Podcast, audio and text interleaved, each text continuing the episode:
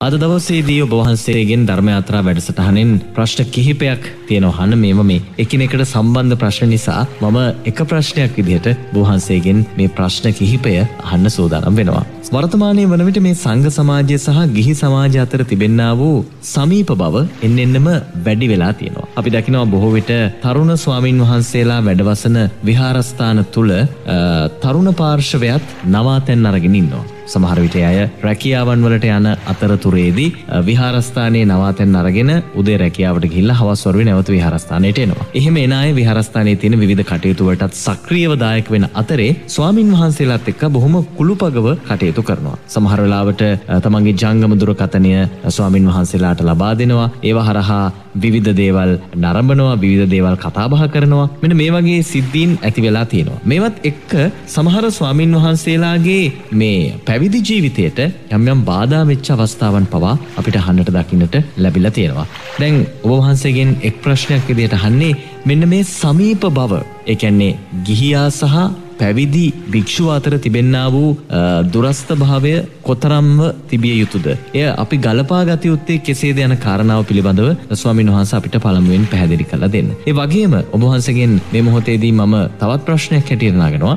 වර්තමාන සමාජය තුළ බොහෝ විට ස්වාමින් වහන්සේලාට ගිහි පාර්ශවය විසින් විවිධ විවිධ තෑගිබෝග සමහර අවස්ථාවල මේවා පිරිකර විදිහට පූජා කිරීමක් ගැන හිතනවා. බොහොලාවට මුදල් පිරිකර පූජා කරනවා. සමහර අවස්ථාවල අපි දකිනවා ස්වාමින් වහන්සේලාට අවශ්‍ය නැහැ කියලා හිතෙන ජංගම දුරකථන වේවා විවිධ වර්ගේ මුදල් පසුම්බි එතරින් ගියහම විවිධ වර්ගේ ගමන් මලු වෙන්න පුළුවන්කම තියෙනවා. සමහර විට ස්වාමින් වහන්සේලාට අවශ්‍ය වෙයි කියලා හිතලා සමහරු පරිගණක යන්ත්‍ර පවා පූජා කරන අවස්ථා අපි දැකලා තියෙනවා දැන් ඉගෙනීමේ නිරත වෙලා ඉන්න ස්වාමින් වහන්සේ නමකට මේ වගේ දෙයක් පරිත්‍යාග කිරීමේ වරදක් නැහැ. නමුත් මේවා හරහා යම් ආකාරයකට එතනින් එහාට ගිහිල්ලා තව තව දේවල් සුකෝපභෝගී වාහන වෙන්නට පුළුවන් මේ වගේ දේවල් පූජා කරන අවස්ථා තිබෙනවා. දැන් මේවත් එක්ක සංඝ සමාජය තුලත් යම් යම් ගැටලු නිරන්තරව පැන නගමින් තිබෙනවා. ඔබ වහන්සේගෙන් මෙන්න මේ ප්‍රශ්න කිහිපය තමයි අපි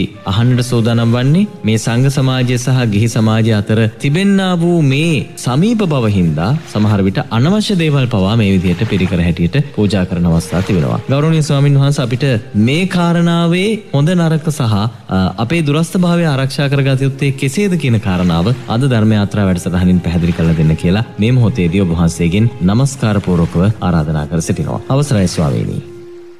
මාත්‍යෝ මාත්මේලා ප්‍රශ්න කීපයක්ම යොමු කලා ධර්මයාත්‍රා වැඩසටාන වෙනුවෙන්. ඒ හැම ප්‍රශ්නයක් තුළින්ම මතුනේ මේ ගිහි සමාජය තුළ තියෙන්න්නා වූ බරපතලූ දුර්වලතාවයන්. කඩා වැටීම් සීලේ කඩා වැටීම් ලෝබදේශමෝහයන්ගෙන් කඩා වැටීම්.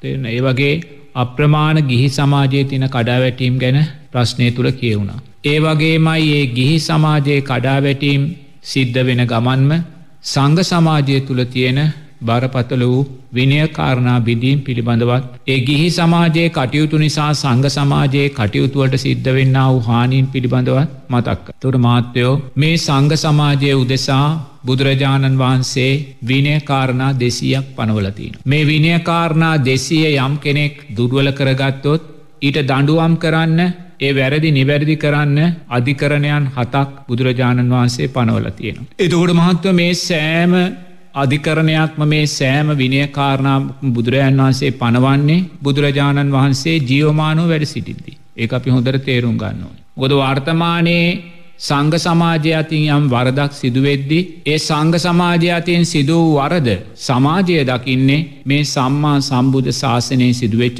පලවෙනි වැරද හැටියට. එම හිතල තමයි ඒ වරදට එරෙහිව ප්‍රතික්‍රියාවන් දක්වන් මීට පෙර සම්මා සම්බුද්ධ ශාසනය මෙවැනි වැරද්දක් වෙලා නැහැ. ඒ තැනයිදන් තමයි අපි ආවේක ශීලීව ඒ ප්‍රශ්නයන් දිහැ බලන්න. නමුත් අපි බොහෝම සිහිනුවනින් දකින්න ඕනේ බුදුරජාණන් වහන්සේ මේ විනය කාරණාවන් වල තියෙන බරපතලම විනය කාරණාවන් හතර වන සතර පාරාජිකාව පනවන්නේ ලෝතුරා බුදුරජාණන් වහන්සේ ජියෝමානෝ වැඩ සිටිද්දි. කාමේ වර්දවා හැසිරීමට අදාළ පළවෙනි සතර පාරාජිකාවන්ගින් එක පනවන්නේ සුදින්න භික්ෂුව අරමුණු කරගෙන උනා වූ කාමේ වර්දවා හැසිරීමේ සිද්ධිය මුල් කරගෙන. ඒ වගේම සොරකමට අදාළව කෙනෙක් මරා දැමීමට අදාළව ඒ වගේම නැති උත්තරී මනුස්ස ධර්මයන් පෙන්වීමට අදාළ මේ සියලූම විනය කාරණා බුදුරජන් වන්සේ පනුවන්න උන්වහන්සේ ජීවමානව වැඩ සිටිද්දී. සංඝාධිශේෂයන් අනි ඇත ධර්මයන් මේ සෑම විනය කාරණාවක බුදුරජන් වන්සේ පනවන්නේ උන්වහන්සේ ජීවමාන. එනමාත්‍යයෝ බුදුරජාණන් වහන්සේ ජීවමානුව සිටපු මුල් කාල බකවානු තුළ බුදුරජන් වන්සේ විනය පැණවීමක් කළේ නෑ ඇයි විනය පැඩවීමක් කළේ නැත්තේ? විනය පැණවීම උදෙසා අවශ්‍යතාවයක් මතුනේ නැහැ. මුද බුදුරජාණන් වහන්සේ බෝධිසත්වයින් හැටියට බෝධි සම්භාරයන් පුරණ කාලේ ඔබවහන්සේගේ ගෞතම සම්මා සම්බුද්ධ ශාසනය මම උතුම් චතුරාර් සත්‍ය අවබෝධ කරනවා කියනේ තුෂ්නාපච්චයා උපාදානන් කියන ධර්මතාවය තුළ ආපු ඒ පිරිස තමයි මුල් කාලයේදී බුදුරජන් වහන්සේ ඇසුරේ පැවිදි වුණේ. එනිසා සාංසාරිකව පුහුණු කලා වූ. ඒ උතුම් චතුරාර් සත්‍ය ධර්මය අවබෝධයට අදාළව බුදුරජාණන් වහන්සේගේ ශ්‍රාවකත්වයට අදාළව සංඝයා සතු සුපටිපන්න උජුපටිපන්න ඥාය පටිපන්න සාමීචි පටිපන්න ගුණයන්ට අදාළව සාංසාරිකව පුහුණු කලා වූ සංස්කාරපච්චයා විඤ්ඥාන කියන දැනීම් ඔස්සේ තමයි උන්වහන්සේලාගේ දැනීම් සකස් වනේ. එනිසා උන්වහන්සේලා කොයිසා විනයෙන් තොර ශාස්තන නිදහසත් තිබ්බත් ඒ ශාසන නිදහසෙන් අයිතු ප්‍රයෝජන ගත්තේ නැහැ. ඇයි ඒ සාන්සාරිකෝ පුහුණු කලා වූ සුන්දර සංස්කාරයන් නිසා සකස් වූ දැනීම් නිසා. නමුත් කාලය ගතවෙද්දී ඔන්න මේ සංග සමාජය ලබන ලාභසත්කාරදිහැ බලලා පෙර සාරිපුත්ත මහෝත්තමයාණන් වහන්සේලා මුගලන් මහෝත්තමයාණන් වහන්සේලා කොණ්ඩංජ මහෝත්තමයාණන් වහන්සේලා උන්වහන්සේලා පැවිදිභාවයන් ලබලා උන්වහන්සේලා මහා ප්‍රාතිහාරයන් දක්වනකොට උන්වහන්සේලාගේ ජීවිත තුළ තිබ සුපටිපන්න උජුපටිපන්න ඥාය පටිපන්න සාමිචි පටිපන්න ගුණයන්ගේ ඒ අග්‍රභාවය ශේෂ්ඨ භාවය දකිද්දි මහත්තයෝ උන්වහන්සේලාට සමාජයෙන් ලැබෙන්න්න වූ ප්‍රසාදය වැඩි වුණ. රජවරු සිටුවරු ධනවතුන් හැම කෙනෙක්ම උන්වහන්සේලා කෙරෙහි සිව්පසයෙන් අප්‍රමාණ ඇපු පස්ථාන කලා. දෙවියන් බ්‍රහ්මයින් පවා උන්වහන්සේලට වන්දනා කලා. ඒ නිසාම උන්වහන්සේලා ලබන්නා වූේ සුන්දර සිව්පසයන් දැකලා. සුන්දර පිළිගැනීම් සුන්දර ප්‍රසාදයන් දැකලා මේවාට ආසා කරන්න වූ පුද්ගලයෝ ශාසනයට ඇතුළත් වුණ. දොර ඒගොල්ල ශාසනයට ඇතුළත් වෙන්නේ සංසාරිකෝ පුහුණු කරා වූ සංස්කාරපච්චයා විඤ්ඥානකින ධර්මතාවයන්ගේ ශක්තිමත් භාවය තුළ නෙමේ. ඒ අය ශාසනයට ඇතුල් වෙන්නේ අර සැබෑ සංග සමාජය විනයකින් තොරව සුන්දරව හික්ුණා වූ සංග සමාජය ලබන්නා වූ. ඒ පිළිගැනීම් ප්‍රසාධයන් සිව්පසය දැකලා ඒ දේ තමනුත් ලබනවා කියන අධිෂ්ඨානින් ශාසනය තුළට ආවේ. එතනති ඒගොල්ල ශාසනය තුළට ඇවිල්ලා බුදුරජාණන් වහන්සේ ඒගොල්ලන්ට අවශ්‍ය කමටහන් අවශ්‍ය ධර්මයන් කියල දුන්නත් ඒගොල්ලේ ධර්මයන් වැඩීම කරේ උත්සාහයන් ගත්තේ නැහැ. ඒගොලොක් නිරේතුරුව උත්සාහ ගත්තේ ඇස කණනාසය දිවශරීරයේ මනස පිනවන්න වූ දිසාවට තමන්ගේ පැවිදිභාවය අරගෙනයන්. අන බුදුරජාණන් වහන්සේ දකිනවා දැන් විනය පැනවියයුතු අවස්ථාව විලමිලා තියෙන. ගො සංග සමාජය බැඩ්දි කරන දිසාවන්ට යනවා. සංග සමාජයේ සතිය සිහිය දුර්වල භාවයට පත්වේගෙන යනවා. සංග සමාජයේ පංච උපාදානස්කන්දය කරේ තුෂ්නාව වැඩෙන දිසාවට යනවා. අනේ වෙලාවෙ තමයි බුදුරජාණන් වහන්සේ මේ උතුම් ප්‍රාතිමෝක්ෂ සීලය අධියරෙන් අධියර පනවන්. එනමත මේ ප්‍රාතිමෝක්ෂ සීලේස් විනය සිල්පද දෙසීය විස්සක් තියෙනවා නං. ඔය විනය සිල්පද දෙසීය විස්සම පනවන්නේ ඊට අදාළ වැරදි කලා වූ ස්වාමීන් වහන්සේලා නිසාමයි. ඒ හොඳර තේරුම් ගන්නවා. ඊට අදාළ වැරදි කලා වූ ස්වාමීන් වහන්සේලන්. එනිසා බුදුරජාණන් වහන්සේ ජීවමානව සිටිද්දි. කාමේ වර්දවා හැසුන්න භික්‍ෂූන් වහන්සේලා හිටියා.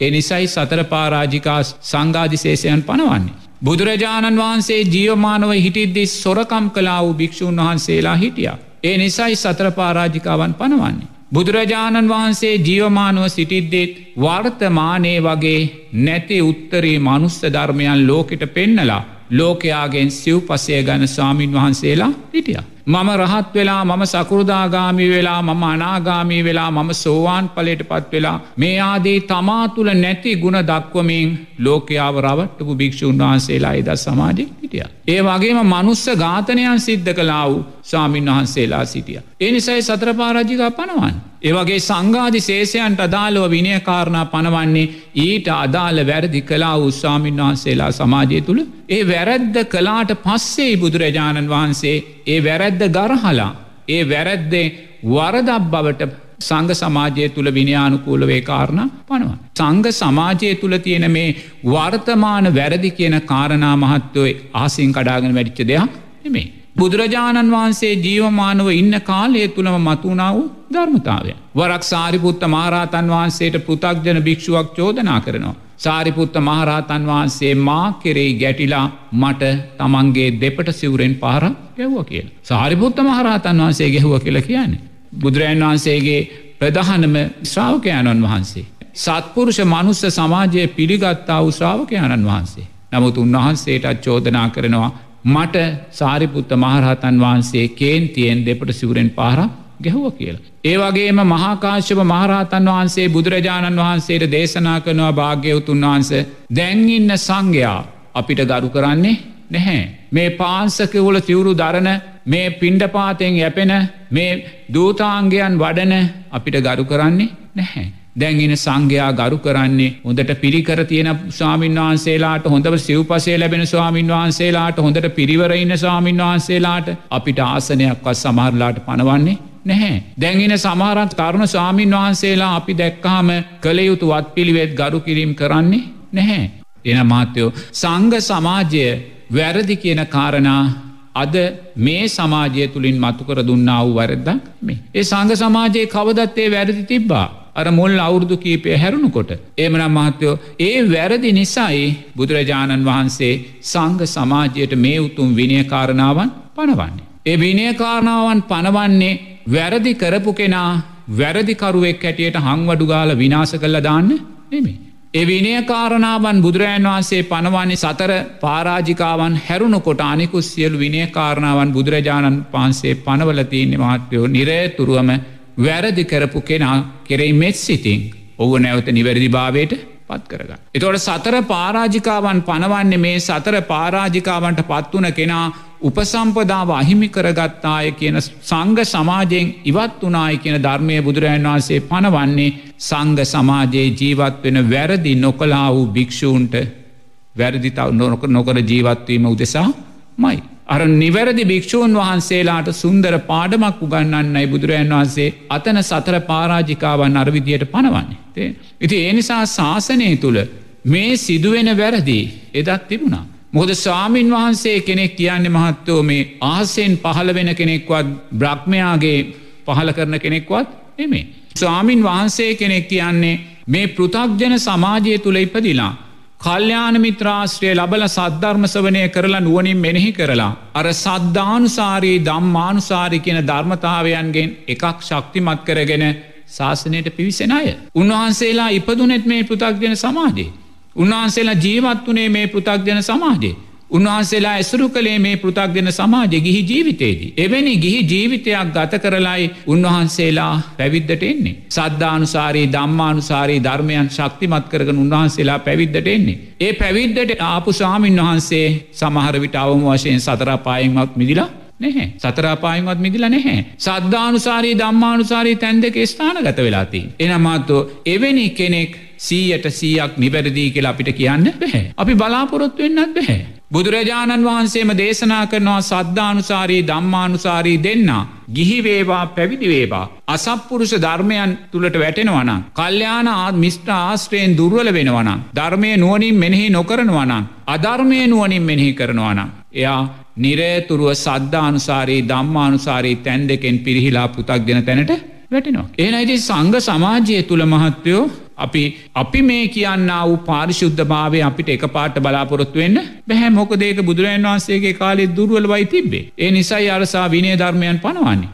ඒ වගේම ගිහි සමාජය තුළත් අපි ඒහෙම් බලන්න ඕනේ. සංග සමාජයේ අරවගේ දුර්වලතාවයන් තියෙන නිසායිබේ පෘතක්ජන ගිහි සමාජය තුළ ඉපදිලා හැදිලා වැඩිලා ඇසුරු කරලා එතනින් සද්ධානුසාරි දම්මානුසාරි ධර්මයන් ශක්තිමත් කරගෙන පැවිදි සමාජයට එන පැවිදි පින්වතා තුළින් අපිට සීයට සීයක් හොඳ බලාපොරොත්තු වෙන්න බෑවගේම මහත්‍යයෝ අපි තේරුම් ගන්න ඕනේ මේ ගිහි සමාජය තුළිනුත් අපිට සීයට සීයක් යහපත බලාපොරොත්තු වෙන්න බැහැ. ඉති යහපත බලාපොරොත්තු වෙන්න බැරි නිසයි බුදුරජාණන් වහන්සේ යහපත බලාපොරොත්තු වෙන්න නම් මෙන්න මාර්ගයක් බුදුරන් වන්සේ අපට දේශනා කරන. තියන්න. යමේ කාර්යෂ්ඨාංගික මාර්ගයෙන් සම්මාධිට්්‍යයෙන් ඇතුල් වෙලා යමෙක් සම්මා සමාධිමත් හිතක් කරා එනවද ඒ සම්මා සමාධිමත් හිතක් ඇතිකර ගත්ත කෙනාගේ අපිට යහපත බලාපොරොත්තු වෙන්න පුළුවන්. මොකද සම්මා සමාධිමත් හිතක් ඇති වුණා කියන්නේ යා සප්ත බොජ්ජන්ගයන් වැඩෙන හිතක් ඇතිකර ගත්තා. එයා නිරේතුරුව සති සම්බෝජ්ජන්ගේ තුළ ජීවත් වෙන කෙනෙක්. එයා චතුරාර් සත්‍ය ධර්මයන් කරේ හොඳට සිහ පීටෝගන දීවත්වේනේ. එයා දුකත් හඳුනෙනවා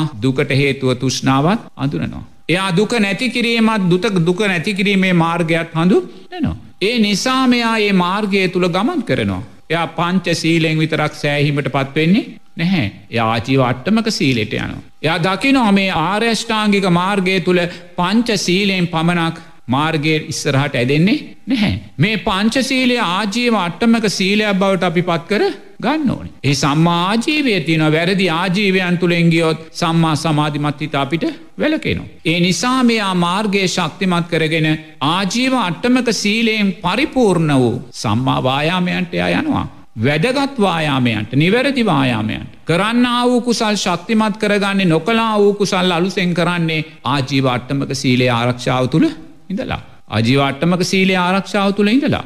එහෙම කළොත් තමයියාට සම්මා සතියක් ඇති වෙන්නේ. ඒ සම්මා සතිය ඇතිවුණොත් තමයියාට සුන්දර සප්ත බොජ්ජංගයන් වැඩෙන සම්මා සමාධිය එනමතයෝ අපි මනුස්ස සමාජයෙන් නිවැරදි මනුස්සෙක් බලාපොරොත්තු වෙනවා නං ඒ ගෞරුවනය ගිහි පින්වතා ඔය සම්මා සතිය කියන තැනට අනිවාර්ය මෙන්න ඕනේ. සම්මා සමාධයට ආපු කෙනා තුළයි සප්ත බොජ්ජංගයන් වැඩුනා වූ සිතුලි ධාරාවක් තියෙන්නේ. එයා මාර්ග අටක පුහුණුව ලබල ඉස්රාට එන්න ඕනේ. එනමාතෝ සමාජය තුළ අපි බලද්දී අපිට එහෙම පරිපූර්ණ මනුස්සින්ගේ දැක්මක් අපිට දකින්න බැහැ බහුතරයක්. ඒ නිසා ගිහි සමාජය තුළත් අපි වැරදි දකින්න ඕනේ. ගේ සමාජය තුළ අතීතෙත් වැරදි තිබ්බා. ඒ නිසයි බුදුරජාණන් වහන්සේ සමාජයට නිරතුරුවම සද්ධාව දානය සීලය ත්‍යයාගේ මෛත්‍රිය කියන කාරණා වැඩි වැඩියෙන් වැඩි වැඩියෙන් වැඩි වැඩියෙන් සමාජගත ගලේ. ඒ වගේම බුදුරජාණන් වහන්සේ සංග සමාජය වේවා ගිහි සමාජය වේවා. තනතුරු ප්‍රධානය කිරීමේදී. දසූ මහා ශ්‍රාවකින් වහන්සේලා පත් කලා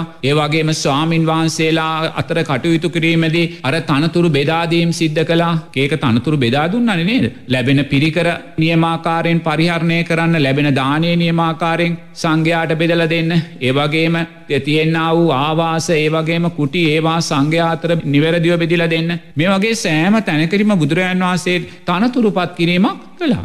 නමුත් මේ සෑම තරතුරකටම බුදුරජන් වහන්සේ පත් කළේ මහත්තයෝ අනිවාර්යෙන්ම උතුම් රහතන් වහන්සේලා මයි. අසූමහා ශ්‍රාවකින් වහන්සේලා හැටියට පත් කළේ බුදුරජාණන් වහන්සේ සියලුම දෙනා රාතන් වහන්සේලා.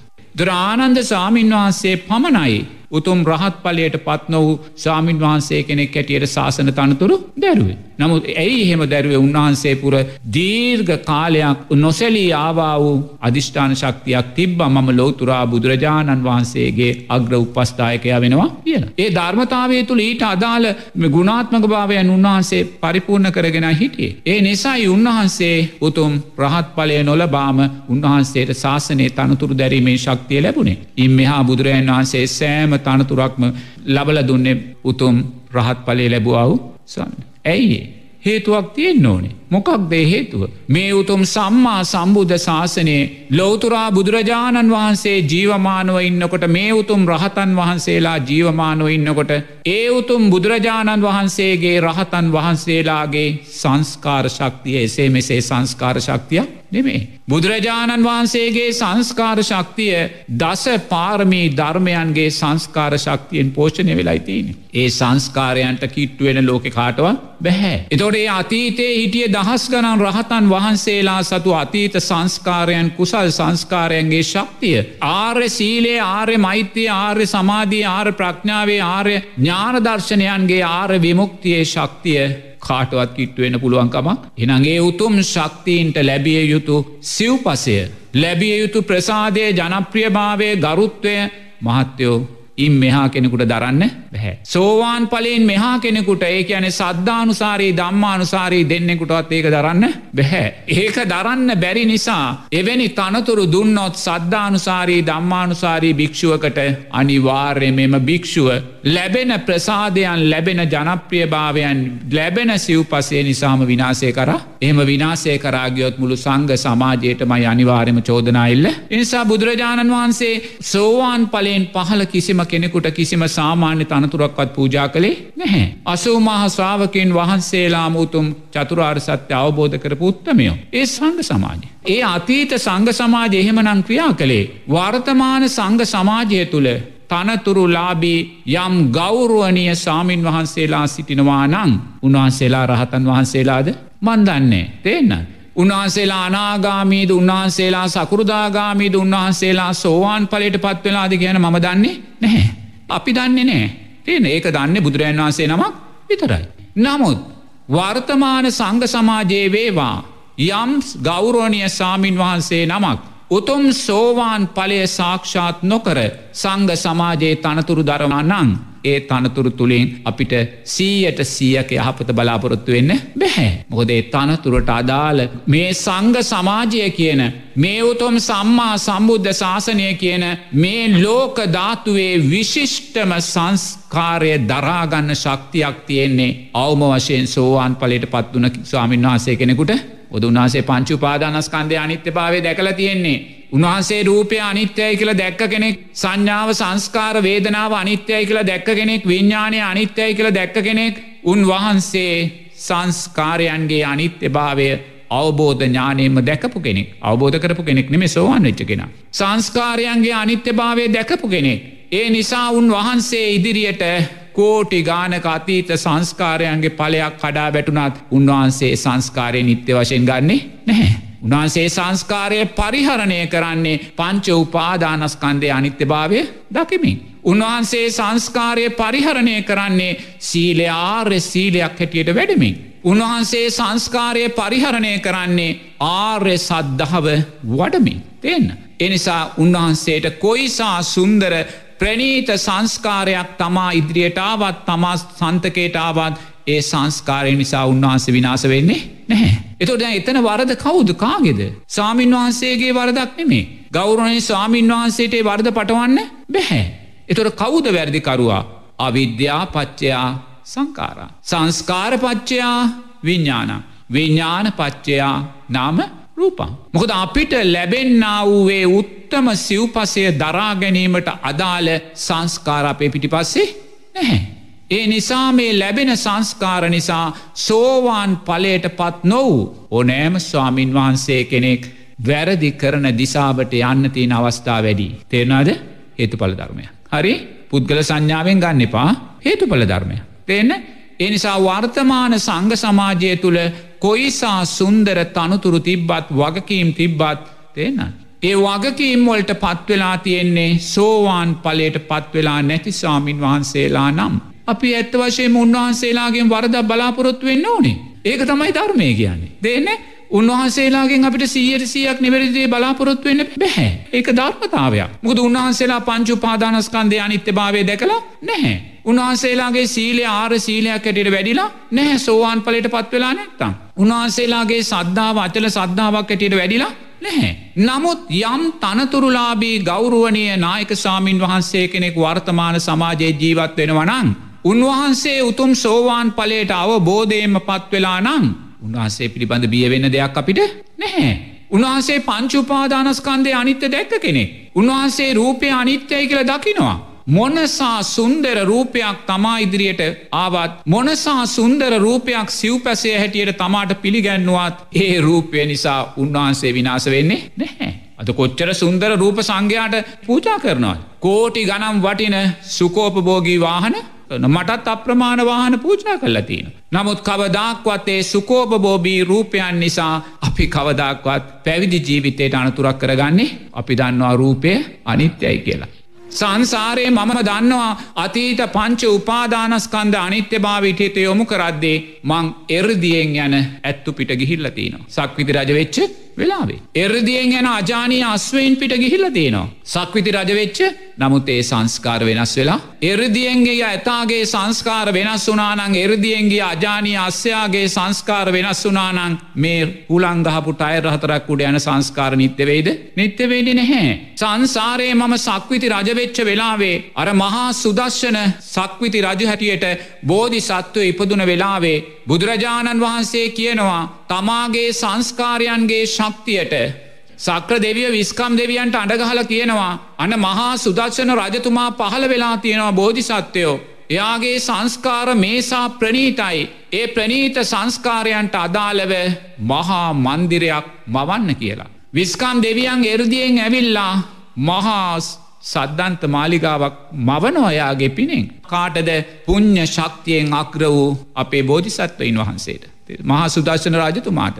බුදුරජාණන් වහන්සේ දේශනා කරනවා ඒ මහා මන්දිරේ සෑම ගඩොලක්ම හදලතියන රත්තරක් වලින්. ඒ මහා මන්දිරේ සෑම කුළුණක් මහදල තියෙන්නේ දියමන්තිවලින්. ඒ මහා මන්දිරයට යම් ගෘහබාණ්ඩයක් එකතු කල්ල තියෙනවනං ඒවක් කෝටි ප්‍රකෝටි ගානෙ මිල කරන ද්‍රව්‍යවලින් හදල තියෙන. බුදුරජාණන් වහන්සේ කියන යමෙක් ඒ මන්දිරය දෙස බැලුවොත් ඔබ දවල් දොලහට ඉර දෙස බැලුවොත් ඔබට මොකක්ද වෙන්නේ. ඉල දෙස බලන්න පුළුවන්ද ඉරේ ආලෝකෙට ඔබේ ඇස් දෙක වැහිල යනවා. බුදුරජන් වහන්සේ කිනවා යමෙක් අර මහා මන්දිරය දෙස බැලුවොත් අර මැනික්වල රත්තරංවල රිදීවල දියමන්තිවල තියෙන ආලෝකයට ඇස් දිලංකාර වෙලා ඉවැනි සුන්දර ප්‍රනීත සංස්කාරයෝ අපි ලැබවා.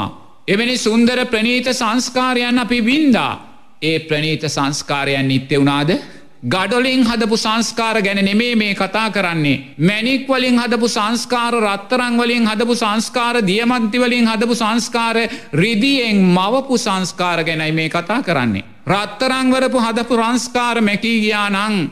දියමන්තිවලින් හදපු සංස්කාර අනිත්‍ය වෙලා ගියා නං. මැනික්වලින් මවපු සංස්කාර වෙනස් වෙලා ගියා නං.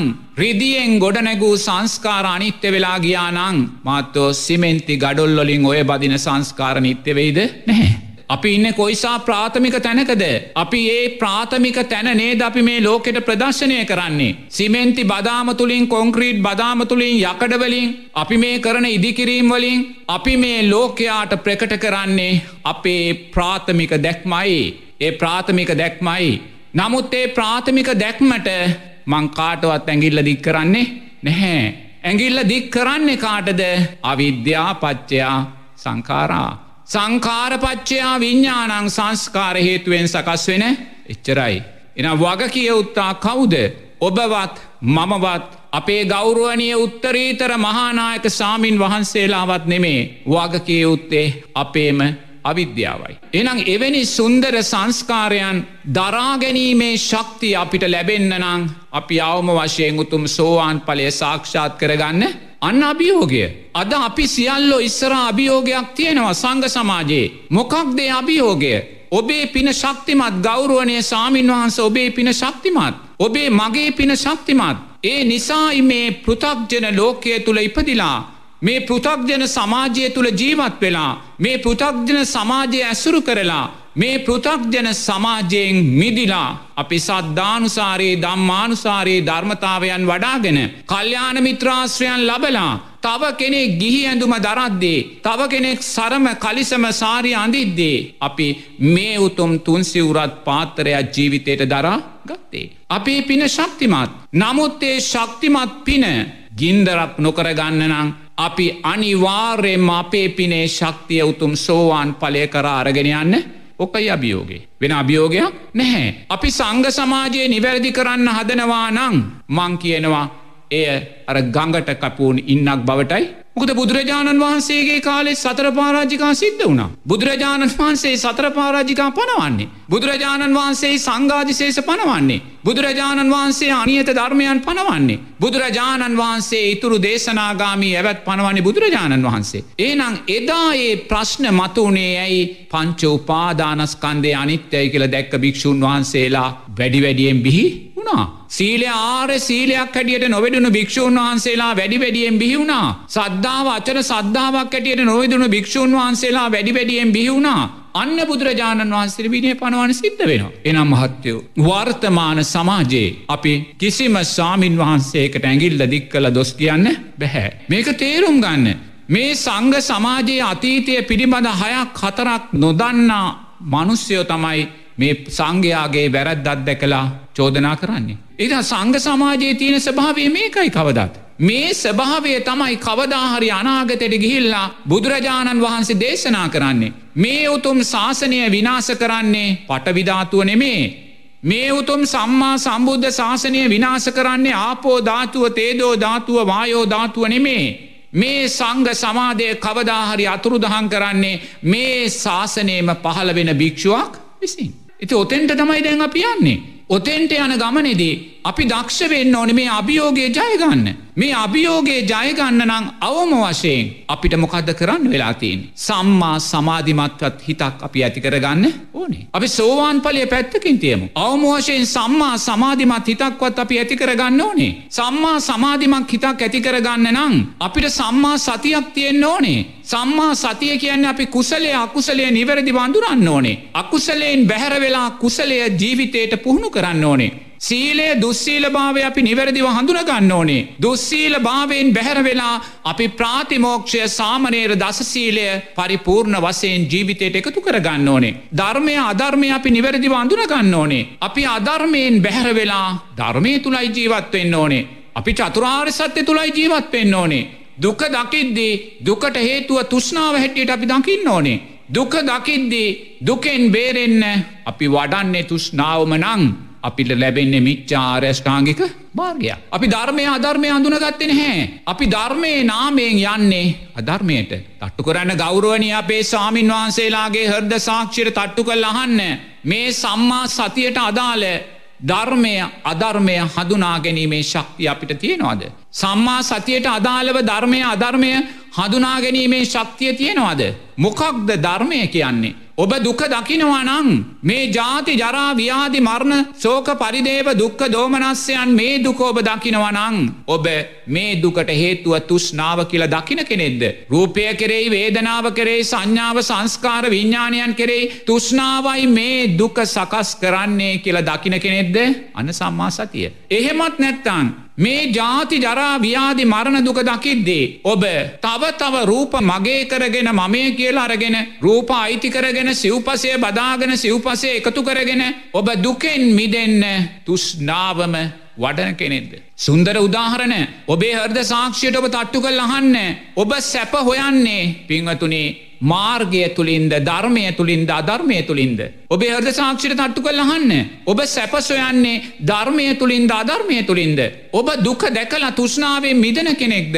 ඔබ දුක දැකලා සැප සොයාගෙන තුෂ්නාව තව තව පෝෂණය කරන කෙනෙක්ද. මා සති එන්න ඕන ජීවිතයට සම්මා සති ආව නැත්තන් සීලය දුස්සීල භාව අපි හඳුනන්නේ නැහැ. අපි තරගෙට සිල්පද බිඳිනවා. සිල්පද බිඳෙන තරමටමයි අපිටත් ජනප්‍රියභාවය සමාජයෙන් ලැබෙන්නේ. පිංහතුනි මේ ධර්මයද අධර්මයද? මේක අධර්මය කියලා හඳුනාගන්න අපිට සම්මා සතිය තියෙන් ඕනෙ පිංහතුනේ සම්මා සතිය තියෙන්න්න නම් අපි තුළ සම්මා වායාමයන් තියෙන් ඕනේ. අපි කරන්න වූ සෑම යහපතක්ම අපේ තියන සුපටිපන්න උජුපටිපන්න ඥාය පටිපන්න සාමීච් පටිපන්න ගුණයන් පිංහතුනේ සීලයෙන් පිරිසිදු වෙන්න ඕනේ. ප්‍රාතිමෝක්ත සීලයෙන් පිරිසිදු වෙන්න ඕනේ සාමනයට දස සීලයෙන් පිරිසිදු වෙන්න ඕනේ. ඒවගේම අපි තුළ සම්මා සංකප්ප තියෙන්න්න ඕනේ. අවිහිංසා සංකප්පය අව්‍යාපාදය නෙක්කම්මේ තියෙන්න්න ඕනේ. තමා තමාට මෛත්‍රී කරගන්න ඕනේ. ලෝකෙට මෛත්‍රී කරන්න පෙරාතුව තමා තමාට මෛත්‍රී කරන්න ඕනේ. එයා හිතන්න දක්ෂ වෙන්න ඕනේ ගෞරුවනිය සංග සමාජයේ හිතන්න දක්ෂ වෙන්න ඕනේ. දෙයනේ මම තවමත් උතුම් සෝවාන් පලට පත්වෙලා නැත්තං. මම සතරාපායට විවෘත්තවා ඉන්නේ. මම තාමත් සතරාපායට විවෘත්තවනන් ජීවත් වෙන්නේ. මම මට මෛත්‍රී කරගෙන නැහැ. මුතුනි සුන්දර සම්මා සංකප්ප ලෝකෙට මෛත්‍රී කරන්න පෙරාතුව තමා තමාට මෛත්‍රී කරගන්නවා. එයා තමාතුළින් දකිනවා මන්තාම පංච උපාදානස්කන්දේ අනිත්‍ය භාවය දැකළ නැත්තං. මම අපවත් වෙන වෙලාවේ මම උපාදානය කලා වූ මේ රූපයන් නොල්ට බැඳුනොත්. මොනවද රූපයන් කෝටි ගනම් වටින වාහන කෝටි ගනම් වටින පන්සල් කෝටි ගනම් වටින ඉඩකටන් කෝටි ගනම් වටින බැංකුගෙනුම් පිහතුනී මේ රූපයන්ට බැඳුනොත් අපි සතරාපායට වැටෙනවා සම්මා සංකප්ප ශක්තිමත් කරගන්න. අපි තාමේම හිතන්න ඇත්තන් අපේ සම්මා සංකප්ප ශක්තිමත්ද දුර්වලද ඔබේ හර්ද සාක්ෂිර තට්ටු කල් අහන්න. ගෞරෝණය සංග සමාජයේ අපේම හර්ද සාක්ෂිර තට්ටු කල් අහන්න. අපේ සම්මා සංකප්ප දුර්වලද ශක්තිමත්ද. අපි තමා තමාට මෛත්‍රී කල්ල තියෙනවද. තමා මරණාසන්න මොහොතේ අපවත් වෙන මොහොතේ රූපයකට බැඳිල යයිද. මේ රූපය ඇසුරෙන් සකස් වෙන විඳීමකට බැඳිලේ අයිද.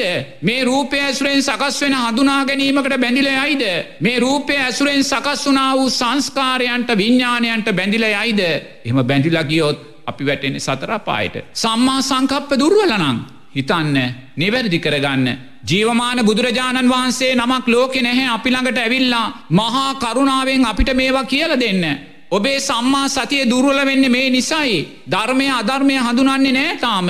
ඔබ ධර්මය කියලා දකින්නේ දුක මිදෙන්න තුෂ්නාව වැඩි කරන ධර්මයක්. ඔබ දුකෙන් මිදන්න තුෂ්නාව වැඩි කරද්‍ය ඔබ මිච්චා මාර්ගය තුළ ඉන්නේ. එයම අපේ විනාස්සයට හේතු වෙනවා. මේ සියල්ල දුර්වල වෙන්නේ ඇයි. සම්මාධිට්්‍යය දුර්වලයි. බුදුරජාණන් වහන්සේට අදාළවත් පවතින්නේ නැහැ. බුදුරජාණන් වහන්සේ දේශනා කරනවා මහනෙන. ඔබලාගේ ශාස්තුන් වහන්සේ ආර්ය විවේකයෙන් චිත්ත විවේකෙන් වැඩ සිටිද්දී. ඔබලාගේ ශාස්තුන් වහන්සේ ආර්ය සීලයෙන් වැඩ සිටිද්දී. ඔබලාගේ ශාස්තුන් වහන්සේ ආර්ය ප්‍රඥාවෙන් ආර්ය ඥානදර්ශනයන්ගේ ආර්ය විමුක්තියෙන් වැඩ සිටිද්දී. ඔබලා සල්ලි සොය සොයා දුවනවනං ඔබලා තනතුරු සොය සොයා දුවනවනං ඔබලා යානවාහන සොයසොයා දුවනවනං ඔබලා සස්්‍රීක සිව්පසය සොයසවා දුවනවනං ඔබලා නිසා ශාස්තුන් වහන්සේත් බැනුම් අහනවායි කියල බුදුරජාණන් වහන්සේ අතීතේම අපිට දේශනා කරලා තියෙනවා. ඇයි එහෙම දේශනා කළ තියෙන්නේ. බුදුරජාණන් වහන්සේ වර්තමානය අතීත දකිනවා. ඒ වර්තමානයත් අතීතයක් කියන දෙකක් නෙමේ. අතීතයේ බුදුරජාණන් වහන්සේ නොදැකිය යුතු දේවල් දැක්කේ අකුසල් සංස්කාර නිසා. අවිද්‍යාව හේතුවෙන් සකස් කලා වූ අකුසල් සංස්කාර නිසා. අපිත් වර්තමාන සමාජයේ දකින්න අකමැති දේවල් අපි දකින්නේ ඊට අදාළ සංස්කාර එච්චරයි. එනිසා මේ කිසිම දෙයක් පුද්ගල සංඥාවට බාර දෙන්න එපා. මේ කිසිම දෙයක් ආත්මිය සංඥාවට ගන්න එපා.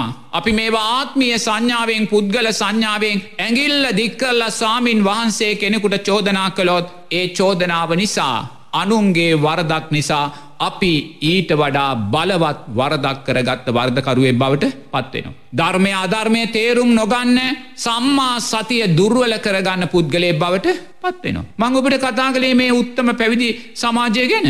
ඒසා පැවිදි සමාජයේ වර්තමානය මමනං කිසිම බරපතල දුර්වලතාවයන් දකිනවා කියෙන කාරණයට යන්නේ නෑ මේ සෑම දුර්වලතාවයක්ම බුදුරජාන් වහන්සේගේ කාලි තිබ ද අදත් සංග සමාජයේ වාහන ප්‍රශ්න තියෙනවනේ ඔය පෞගේ දවසල මාධ්‍යවලින් වී ඉත්මකක් දෙකට කියන ඔය එවැනි එවැනි ලොකු ලොකු ප්‍රශ්න කියනනේ නමුත් මහත්ව බුදුරජාණන් වහන්සේගේ කාලේ ඔය වගේ වාහන තිබ්බේ නැහැ. නමුත් බුදුරජාන් වහන්සේගේ පනවන විනේදී එක තැනක කියනවා උපසේන කියන භික්ෂුව තෙරනාද උපසේන කියන භික්ෂුව තමන්ගේ වස්කාලය එවරුණාට පස්සේ එයාගේ පිටිපස්සෙන් එයා චීවර කරත්තයක් අරගෙන එනවා. මොක දරගෙන්නේ චීවර කරත්තයක්. ඒ කියන එදා තිබ්බ හොඳම වාහනේ. එදත් චීවර කරත්තයක් කරගෙන නොමකොද ආරන් එන්නේ. හැම තැනම වස් සමාදං වෙලා හැම තැනම වස්පිංකා මොල්ට ගිහිල්ලා ලැබෙන ලැබෙන චීවරය කරත්තට දන්න. දාලා අතවැසියකින් ඔයා කරත්තයරගෙනවා. ස්වාමිනාශිස්සරහැ එනම් මත්ව එදත් වාහන ප්‍රශ්න තිබ්බා. තිෙන්න්නත්. ඒ එදා සභාවට අදාළව කරත්ති ප්‍රධාන වාහනයක්. එදත් වාහන ප්‍රශ්න තිබ්බා. අදත් වාහන ප්‍රශ්න ඒ මේ ප්‍රශ්න දෙකටම හේතුව මහත්තයෝ අපි දුක දුක හැටියට දැක්කේ නැහැ. දුකට හේතුව තුෂ්නාව තුෂ්නාව හැටියට දැක්කේ නැහැ. දුක නැති කරන්න නම් තුෂ්නාවයි නැති කරන්න ඕන කියලා දැක්කේ නැහැ. දුක නැතිකිරීමේ මාර්ගය ආරෙෂ්ඨාංගික මාර්ගයයි කියලා දැක්කේ නැහැ. එන වාහනේ ප්‍රශ්නයක්ද අදාළ භික්ෂුවගේ ප්‍රශ්නයක්ද උන්වහන්සේගේ අවිද්‍යාවේ ප්‍රශ්නය. උන්වහන්සේත් කල්්‍යාන මිත්‍රාශ්‍රය ලබල සද්ධර්මසවනය කරලා මේ සද්ධර්මය නුවනින් මෙනෙහි කරලා උන්වහන්සේත් මේ චතුරාර් සත්‍ය අවබෝධ කලා නං උන්වහන්සේ උදේට දාන කෙල පිඩක් වගේ ඔය කියන වාහන එලියට දාලා දහවි. උන්වහන්සේ නුවනින් දකිවි මං අර පෙර කිව්ව වගේ සංසාරයේ මම අජානී අස්්‍යයාගේ පිටේ නං ගමන්ගියේ. සංසාරයේ මං එරදියෙන් ගැන ඇත්තු පිටනං ගමන්ගේ මේ මොන යකඩ ගොඩක්ද කියන කාරණය සිහිපත් වෙද්දිම. එයාට කෝටි ගානක් වටිනායි වාහනයක් වුණත් එයාට යකඩ ගොඩක් සුම්බුන් ගොඩක් පමණක් මයිකට වටිනාකම නැහැ. එයාගේ උතුම් පැවිද්ද විනාස කරන පැවිද්දට චෝදනා ලබා දෙන පැවිද්ද දුර්වල කරන යකඩ ගොඩක් පමණක් මයි ඒක දකින්න නං අපිට මොකද තියෙන්න්න ඕනේ සම්මා සතිය තියෙන්නවා. ඒ සම්මා සතිය තිබ්බොත් තමයි අපිට මේ රූපය විනිවිධ දකින්න පුළුවන් සම්මා සමාධිය ලැබෙන්නේ. මේ වේදනාව විඳවිට දකින්න පුළුවන් සම්මා සමාධිය ලැබෙන්නේ. මේ සංඥා සංස්කාර විඤ්ඥානයෝ විනිවිධ දකින්න පුළුවන් සම්මා සමාධිය අපිට අන්න සමාජයට හිඟ වෙලා තියෙන මොකක් දෙහෙන සම්මා එච්චරයි. වෙන දෙයක් නෑ සම්මා සමාධියයි නැති වෙලා තියෙන්නේ. සම්මා සමාධිය නැති වුණේ සම්මා සතිය නැති නිසා. සම්මා සතිය නැති වුණේ සම්මා වායාමයන් නැති නිසා. සම්මා වායාමයන් නැතිවුණේ සීලය දුර්වල නිසා. සීලය දුර්වල වුණේ ලෞකික ප්‍රඥාව දුර්වල නිසා. ලෞකික ප්‍රඥාව දුර්වල වුණේ කල්්‍යාන මිත්‍රාශ්‍රය සද්ධර්මසවනය නුවනින් මෙනී කිරීම දුර්වල නිසා. මං බුදුරජාණන් වහන්සේගේ ශ්‍රාවකයෙක් කැටියට මගේ කල්්‍යාන මිත්‍රයා ලෝතුරා බුදුරජාණන් උන්වහන්සේ යම් වචනයක් දේශ චනා කලාද ඒ වචනයෙන් පිට ම මුළු ලෝකෙම වැඩියත් මං වඩින්නේ නැහැ. ඇයි මම මගේ කල්්‍යයාන මිත්‍රාශ්‍රය තුළමන් නැවතිලා ඉන්නවා. ඒ කල්්‍යයාන ධර්මයන්ගේ සීමාව තුළමන් නැවතිලා ඉන්නවා. ඒ කල්්‍යයාන ධර්මයන්ගේ සීමාව තුළ ඉඳිමින් මම ඒ ධර්මය නුවනින් මෙනෙහි කරනවා. ඒ නිසා මට දකින දකින මොන කොහේ දුක කියන කාරණය දැක්කාත් ඒ දුකට හේතුව හැටියට මන් දකිනෙ තුෂ්නා වයි. එහෙනම් දුකෙන් මිදන්න නම් මේ තුෂ්නාවයි සියුම් කරන්න ඕනේ. මේ තුෂ්නාවයි නැති කරන්න ඕනේ. මේ තුෂ්නාවයි නිරෝධය කරන්න ඕනේ. ඉතින් මේ තුෂ්නාවනන් නිරෝධය කරන්න ඕනේ එකම එක මාර්ගයයි ලෝකෙඊට තියෙන්නේ තමයි උතුමා රැෂ්ඨාංගික මහත්තයෝ දැම් මේ කිවේ අපේ ගෞරණය සංග සමාජය ගැන. දැන් අපි ගිහි සමාජයට යන්නකෝ බුදුරජාණන් වහන්සේ ගිහි සමාජයේ සුදුවත් දරන උපාසක උපාසිකාවන්ට කොයිසා තනතුරු දුන්නද. අනේ පිටි සිරුතමතුමා තමයි මේ ශාසනය අග්‍ර දායකයා. විසාකා උපාසිකාව තමයි මේ ශාසනය අග්‍ර දායිකාව. නකුල මාතා නකුල පියා උග්‍ර ගුහපතිතුමා කොයි සානම් අප්‍රමාණ තනතුරු දුන්නද. නමුත් මේ සෑම තනතුරක්ම දුන්නේ උතුම් සෝවාන් පලය සාක්ෂාත් කරගත්ත සුදුවත් දරන උපාසක උපාසිකා දර තේරුම් ගන්න ඕනේ මේක තේරුම් ගත්තොත් වර්තමානය අපි වැරදි කරනයට චෝදනා කරන්නේ නැහැ. මොකද මේ වැරදි කරණය වැරදි කරන්නේ ඇයිඒ ඊට අදාළ ශක්තියේ අයි තුළ නැහැ. නමුත් බුදුරජාණන් වහන්සේ කිසිම තනතුරක් ශාසන තනතුරක් සෝවාන් පලයට පත්න වූ කිසිම පින්වතකුට දීලනෑ. ඇයි නොදුන්නේ. සෝවාන් පලයට පත්නවන කිසිම පින්වතකුට මේ ශාසනයේ සංස්කාර ශක්තිය තුළින් ලැබෙන සිව්පසය ලැබෙන කීර්තිය ලැබෙන ප්‍රසංසාව ලැබෙන ගෞරවය දරන්න ශක්තියක් නෑ ලැබෙන ගමන් විනාස වෙලායන. රූපය මමය කියල ගන්නවා. වේදනාව මමය කියල ගන්නවා. සංඥාව මගේ කියල ගන්නවා. සංස්කාර මගේ කියල ගන්නවා. විඤ්ඥානය මගේ කියලා ගන්න. යමේ කෝටියත් දුන්නොත් කෝටිය මරන් සාක්වේ දාගන්න. යමෙන් ලක්ෂ දහයත් දුන්නොත් දහය මරන් සාක්වේ දහගන්න. යමෙක් ශාසනය උදෙසා ලක්ෂ දහයක් දුන්නොත් පහක් සාක්වේ දාගනයි පහක් ශාසනයට හෙයි මේක දරන්න ශක්තියක් නැහැ. දරන්න ශක්තියක් නෑ ඊට අදාළ සංස්කාරයන්නේ ඒ නිසා බුදුරජාණන් වහන්සේ සෝවාන් පලයෙන් පහල කිසිම කෙනෙකුට සද්ධානුසාරී දම්මානුසාරී කෙනෙකුටවත් අනතුරු දුන්නේ නැහැ. එනමත්‍ය වර්තමාන සමාජයේ මේ වෙන්න වූ අවනඩුවල්ට මහත්තයෝ කවුරුත් පලි නැහැ. කෞුද පලි. අපි සෝවාන් පලය තාම ලබාගත්ත නැති හේතුවයි පලිය වශයෙන් අන්න හේතුව. අපි පංචුපාදානස්කන්දේ අනිත්‍යභාවය නොදකින දාක්කල්. අපි සීලය ආරසීලයක් හැටියට නොවැඩෙන තාක්කල්. අපි සද්ධාව අචල සද්ධාවක් ආරය සද්ධාවක් අර හැටියට නොවැඩෙන තාක්කල්. මේ ශාසන අර්ථයන් තුළින් ලැබෙන්න්න වූ ක්‍රී කීර්ති ප්‍රසංසා ලාභ සත්කාර දරාගැනීමේ ශක්තියක් ලැබෙන ගමන්ම විනාස කරගන්නවා. තමනුත් මඩ කාලා සමාජනුත් අප්‍රමාණ අකුසල් කරලා සංග සමාජටත් මඩ ගහනු. එන මාත්ව දැම් මෙතන තියෙන ප්‍රශ්නය ගිහි සමාජ ප්‍රශ්නයක්වත් පැවිදි සමාජ ප්‍රශ්නයක්වත් නෙමේ. මොකක්ද ප්‍රශ්නය අවිද්‍යාව විසින් ඇති කලා වූ ප්‍රශ්නය. මොකක්ද අවිද්‍යාව ඇති කළේ. අපි තාම දුක දුක හැටියට දකින්නේ දුකට හේතුව තුෂ්නාව තුෂ්නාව හැටියට දකින්නේ. අපි දුකෙන් මිදෙන්න කියලා තුෂ්නාව වැඩෙන දිසාවට මයි අපි යන්න. දුකෙන් මිදන්න කියලා රූප හබහපා යනවා. දුකෙන් මිදන්න කියලා විඳීම් හබහපා යනවා. ආස්වාදයෙන් මත්තුනා වූ සමාජයක් මමනන් දකින්න මහත්තයෝ. මම දකින්නේ. මම මේ හැංගිලා ඉන්න හුඟක් වෙලාට සමාජටාවොත් මම නිසා ආස්වාදයට පත්වෙලා පිස්සු නටනජ අප්‍රමාණ පිරිසක් මම දකින. තේන්න. ඒ නිසා මහත්තයෝ අපිට සිද්ධ වෙලා තියෙනවා තේන්න අප්‍රකටව හැංගිලා ඉන්න. අනේ සමාජය කරේ අනුකම්පාවෙන් සමාජටාවොත් දැම් මත් ධර්ම දේශනා පවත්තන කියල සමාජයට නන්නේද නවත් මහත්ත මම ඉක්මන්ට ඉක්මට හකුලගෙන යන්නේ මට තේරෙනවා මේ ආස්වාදය නිසා මාවත් මඩ පාරුවන්ට ලක්වෙන්න ඇත්ත කතාවේ මේ නිවැරදිවීම උදෙසායි කාටත් කියන්නේ. එනිසා ඔය ආස්වාදයන් නිසා බලවත් අපහසුවට පත්වෙච්ච භික්ෂුවක් තමයි මමකුත්. හරිද නමුත් මං මගේ සතිය සීය නිසා මංගේවා බොහෝම පරිස්සමෙන් ගල්පගෙන ජීවත් වෙනවා එනිසා අපි තේරුම් ගන්න ඕන මෙතනට මූලිකම ප්‍රශ්නය තියන්නේ තාම අපි උතුම් සෝවාන් පලය සාක්ෂාත් කරගන්න උත්සාහ කළේ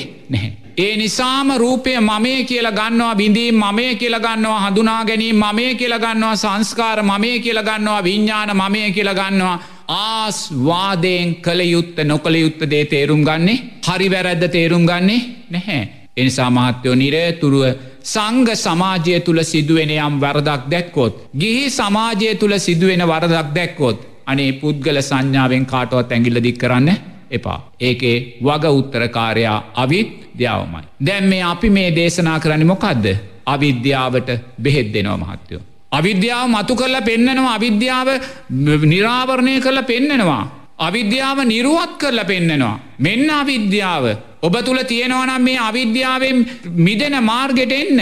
ආර්යෂ්ඨාංගික මාර්ගය ශක්තිමත් කරන්න. මොකද මේ තියෙන අභියෝගයන් ජයගන්න නම් අපි සම්මා සතියක් ඇති කරගන්න ඕනේ. සම්මා සතියයි හරි වැරැද්ද කියල දෙන්න හොඳ නරක කියල දෙන්න ධර්මය අධර්මය කියල දෙන්න සීලේ දුස්සීලභාවය කියල දෙන්නේ. එනිසා සම්මා සතියක් තිබුණොත් පමණයි. අපිට මේ පංච උපාදානස්කන්ද ලෝකය විනිවිධ දකින්න පුළුවන් සම්මා සමාධිමත් හිතක් ඇතිවෙන්න කියලා ලෝතුරා බුදුරජාණන් වහන්සේ දේශනා කරනවා. මේ සුන්දර උදෑසන ධර්මරයාත්‍රා වැඩසටාන ශ්‍රවනය කරලා සිරසගුවන් විදිලියේ අප්‍රමාණූ පිරිසක් උතුම් සැනසිල්ලට පත් වනා එනිසා කල්පනා කරන්න මේ රැස් කරගත්තා වූ සෑම පිනක්ම. ඒ උත්තරීතර මහානායක සාමීන් වහන්සේලා ඇතුළු සියලූම වන්දනීය මහා සංගරත්නයටත් මේ පින් නිදුක් නීරෝගේ සුවපත්භාවය දීර්ඝායුෂ උතුම් චතුරාර් සද්ධර්මයෝ දැකීම අවබෝධයටම උත්තම ශක්තියක් වේවා කියල සාදු කියන්න. ඒ වගේම මේ රැස් කරගත්තා වූ සෑම විදර්ශනාමය ධර්මදානමය කුසල් ධර්මයක්ම මේ උතුම් සද්ධර්මය ශ්‍රවණය කලා වූ සියලූම පිංහතුල්ලාටත්. ගම්වාසී රටවාසී සියලූම පිංහතුල්ලාටත්. නිදුක් නීරෝගී සුවපත්භාවය දීර්ඝායිෂ පිණිසත් උතුම් චතුරාර් සද්ධර්මයෝ දැකීම අවබෝධයටම මේ පින් උත්තම ශක්තියක් වේවා කියල සාදු කියන්න. ඒ වගේම මේ රැස්කරගත්තා වූ සෑම පිනක්ම ඒ කල්්‍යාන මිත්‍රභාවයෙන් සහ සම්බන්ධ වූ පින්වත් සාරධ මහත්මයාටත් පින්වත් පුබුදු මහත්මයාටත් ඒ වගේම සිරස ගුවන් විදිලියේ ප්‍රධානී සජිත් රත්නායක මහත්මයා ඇතුළු කාර්මණ්ඩලේ සියලූම දෙනාට මේ පින් නිදුක් නීරෝගේ සුවපත්භාවය දීර්ඝායුෂත් උතුම් චතුරාර් සද්ධර්මයෝ දැකීම අවබෝධයට මේ පින් උත්තම ශක්තියක් වේවා පිංහතුල්ලා සියලූම දෙනාට තෙරුවන් සරණයි.